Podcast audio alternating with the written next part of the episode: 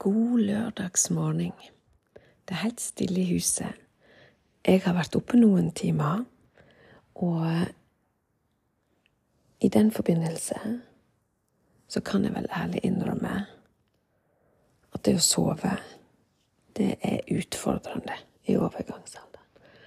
Så er du en av de som enten akkurat nå eller i perioder ser ut til å våkne jeg vet ikke, 03.35 eller 04.20. Ja, da er du ikke alene. Det er muligens en av eh, Norges største kvinneklubber, Vi som våkner 04.20-klubben. Og det er jo lett å, å tenke at eh, det er din feil eller min feil, eller det, det er noe som jeg sjøl eh, har påført meg sjøl, enten fordi jeg har stressa for masse, eller jobba for masse, eller kanskje jeg ikke er flink nok å trene, kanskje jeg ikke er flink nok å kutte ned på te og kaffe og drikke, og at det på en måte er mitt ansvar at søvnen min blir påvirka av et eller annet, og at det dermed er min feil. Og jeg mener jo at det er feil. Jeg mente ikke at det var feil før. Altså det her med at det er min feil. Det, det var ikke helt bevisst. Det som jeg nå veit, etter så mange år med dypdykk ned i overgangsalderen og hormonene våre, er at det her er veldig tett knytta opp mot den hormonelle endringen som vi går igjennom i overgangsalderen. Der er mange andre ting òg, selvfølgelig, som spiller inn, fordi det er jo ikke Livet er ikke noe sånn svart-hvitt, at det er enten bare det ene eller bare det andre. Mange faktorer som spiller inn, og ikke minst det med livsfase. sant? Eh, men til og med hvis vi tenker livsfase, for veldig mange vil si at ja, men sånn er det å være f.eks. småbarnsforelder. Vel, det første året der du er barselkvinne, så er det selvfølgelig det at et barn har behov for eh, jevnlig påfyll av mat eh, i form av amming eller nattmat, selvfølgelig. Men der, i barseltida, så er det òg en hormonell endring. Og jeg er ikke, jeg er ikke sånn at jeg syns det er så viktig å få frem, men for noen kvinner så er, er barseltida en mini-mini overgangsalder. Fordi at vi har lave østrogennivåer, lave progesteronnivåer eh, i, i, begynnelsen av barseltida. Fordi at eh, ting er ikke på plass igjen ennå, og det der eh, Det skal på en måte være en biologisk eh, reduksjon i eggløsningsmulighet fordi at det fremmer eh, overlevelses... Eh, nå er vi veldig på biologien, altså, men at det fremmer eh, det barnet som er nettopp født, sin, sin mulighet til å få ha mor og for seg sjøl. Men det er bare for å illustrere det her med at det å få det å få kunnskap om at søvnen er også påvirka av hormoner, det gjør jo at du kan få slippe, slippe den der dårlige samvittigheten og den der sjølpiskinga og den der 'alt er min feil', hva er det jeg gjør galt? Den kan du få slippe. Men det hjelper jo gjerne ikke, da, når du våkner 04.20. Det, det hjelper jo ikke at man ene og alene anerkjenner det, men det, det det kan gjøre, er jo at en ved å vite det, så kan en jo legge en handlingsplan, og en kan gjøre ting for å redusere omfanget av det. Og det er mange veier til målet. Det som jeg, tenkte jeg skulle snakke med deg litt om her i dag, det er jo at denne her episoden her skal være en litt kort episode om søvn. Og enten du er ute og går en tur og har meg på øret, eller om du i bilen på vei til og fra jobb, eller en annen setting der du har mulighet til å konsentrere deg om og å lære litt mer om overgangsalderen, ja, da har du allerede gjort trinn nummer én. For ved å forstå og ta inn at for eksempel Og nå kommer kunnskapsgrunnlag nummer én for, eh, til deg. I eh, en hormonell endring i begynnelsen av overgangsalderen, eh, i perimenopausen, de årene før nødvendigvis menstruasjonen har vært vekke eh, i mer enn seks måneder og et år, ja, da er det første som skjer, at um, vi hopper over en og annen eggløsning. Og når vi ikke får en eggløsning, så får ikke kroppen påfyll av eh, hormonet progesteron, som er i den gule legemet i, eh, som et etter at egget har løsna. Veldig enkelt forklart, naturligvis. og,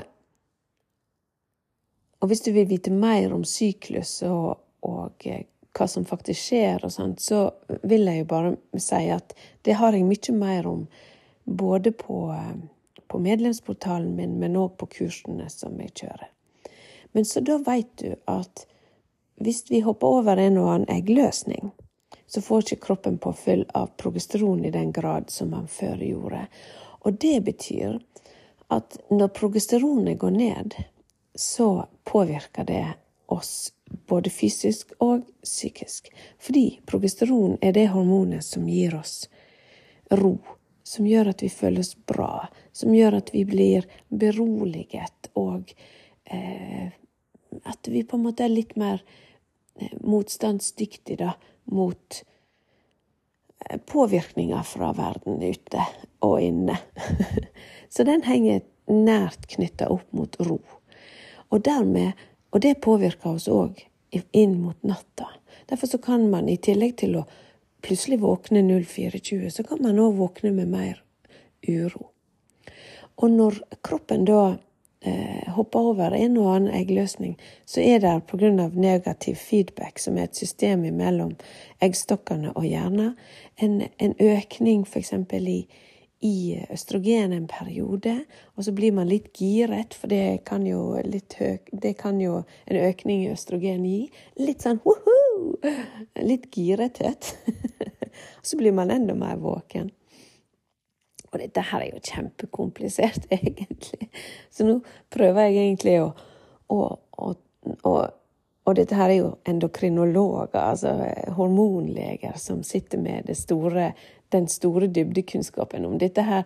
Men hva tjener det oss å ha dybdekunnskap? Vi trenger det litt sånn folkelig, litt sånn enkelt forklart, sånn at vi ikke pisker oss sjøl så mye på hvorfor skjer det her, og hva er det jeg gjør galt.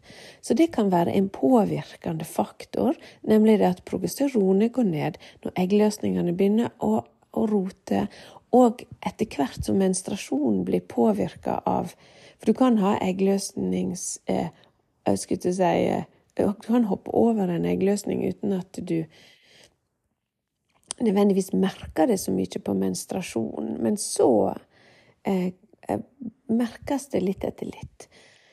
Eh, og det er nå én ting. Og når, altså etter hvert så klarer jo ikke kroppen å opprettholde den her eh, eggløsningene. De blir færre og færre og færre, og, østrogen, og progesteronet blir lavere.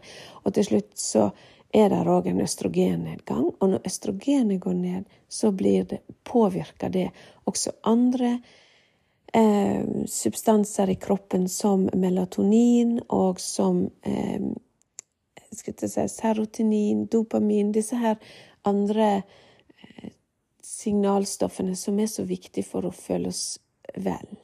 Og i utgangspunktet så er ikke dette noe som vi skal se på som en sykdom eller som et problem, men det kan i perioder gi oss eh, utfordringer som gjør at vi må ta ekstra hensyn, som gjør at vi må ta ekstra vare på oss sjøl, og som gjør at vi kan, ta, eh, vi kan legge en handlingsplan.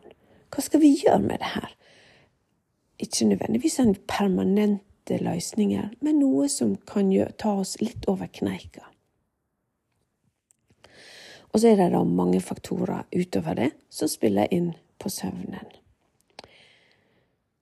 Og sjøl så var jeg altså så søvnløs. Det er jo en av grunnene til at jeg sitter her med denne tyngda i forhold til kunnskap om overgangsalderen. Fordi at jeg som jordmor visste ikke hva overgangsalderen betydde. Jeg visste ikke hva det kunne føre til.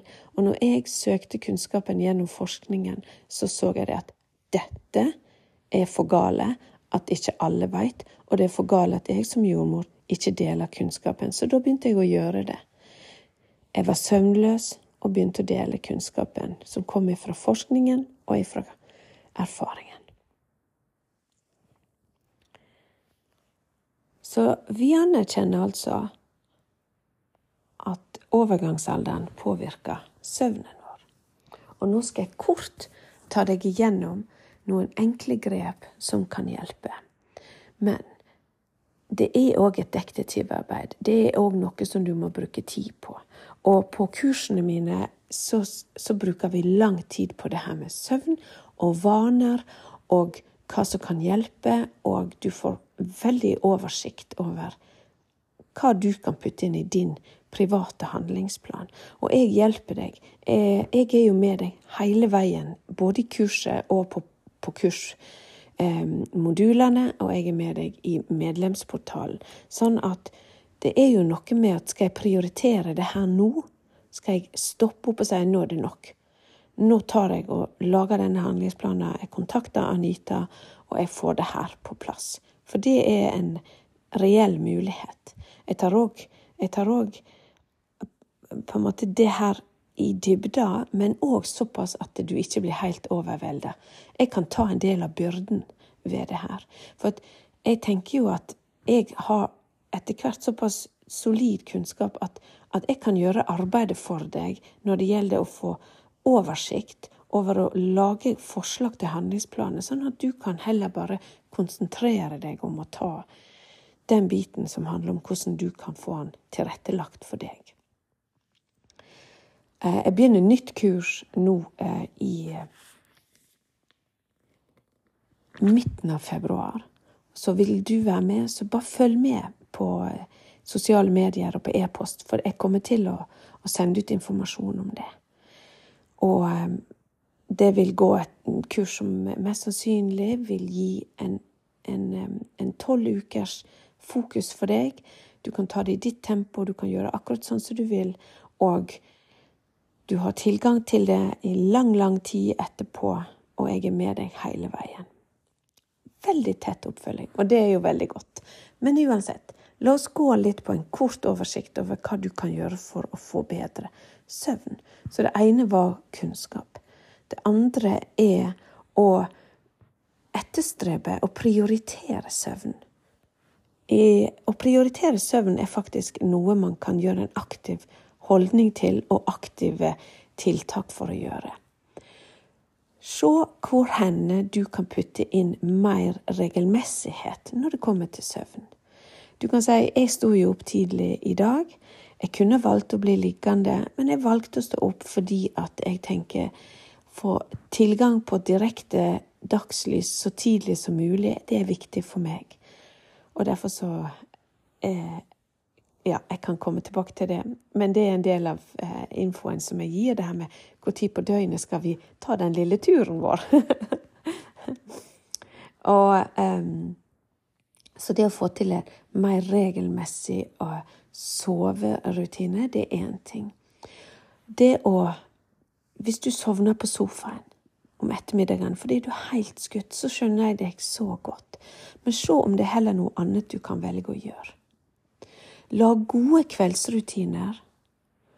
Unngå å se veldig mye på mobil eller TV seint på kvelden rett før du skal legge deg. Hold temperaturen på soverommet nede. Gjør regelmessige treningsformer i løpet av dagen. Og Unngå å spise store måltid på kvelden. Tenk gjennom koffein. Tenk gjennom om alkohol server deg akkurat der du er nå. Og dette er noen av de viktigste tiltakene du kan gjøre. Dette var bare, som sagt, noen av de viktigste tiltakene, men kanskje òg noen av de vanskeligste. Og det er derfor det er et lite detektivarbeid. Det er derfor du må eh, på en måte tenke nei, nå skal jeg prioritere søvn. Nå skal jeg prioritere å få has på det her. Hetetokter kan være en grunn som gjør at du også må ta tak i det her ut ifra et hva, hvordan forholder du deg til å kunne få hjelp med f.eks. enten det er naturkostmidler eller akupunktur eller det er hormonterapi? Disse tingene er òg en mulighet for deg, og det har hjulpet tusenvis av kvinner. Og jeg har hjulpet så mange kvinner med å få kunnskapen på plass, sånn at, og tryggheten på plass, sånn at de kan faktisk ta grep og lage en kjempegod handlingsplan for seg sjøl. Du aner ikke hva livreddende det er å få has på det her og få kontroll over sin egen overgangsalder og mulighetene. Dette her er ikke en undergang. Det er en mulighet til å si stopp, nå vil jeg ha kontroll. Og da er det å ta kontakt med meg. Jeg har hjulpet så mange, og jeg er her for å hjelpe deg.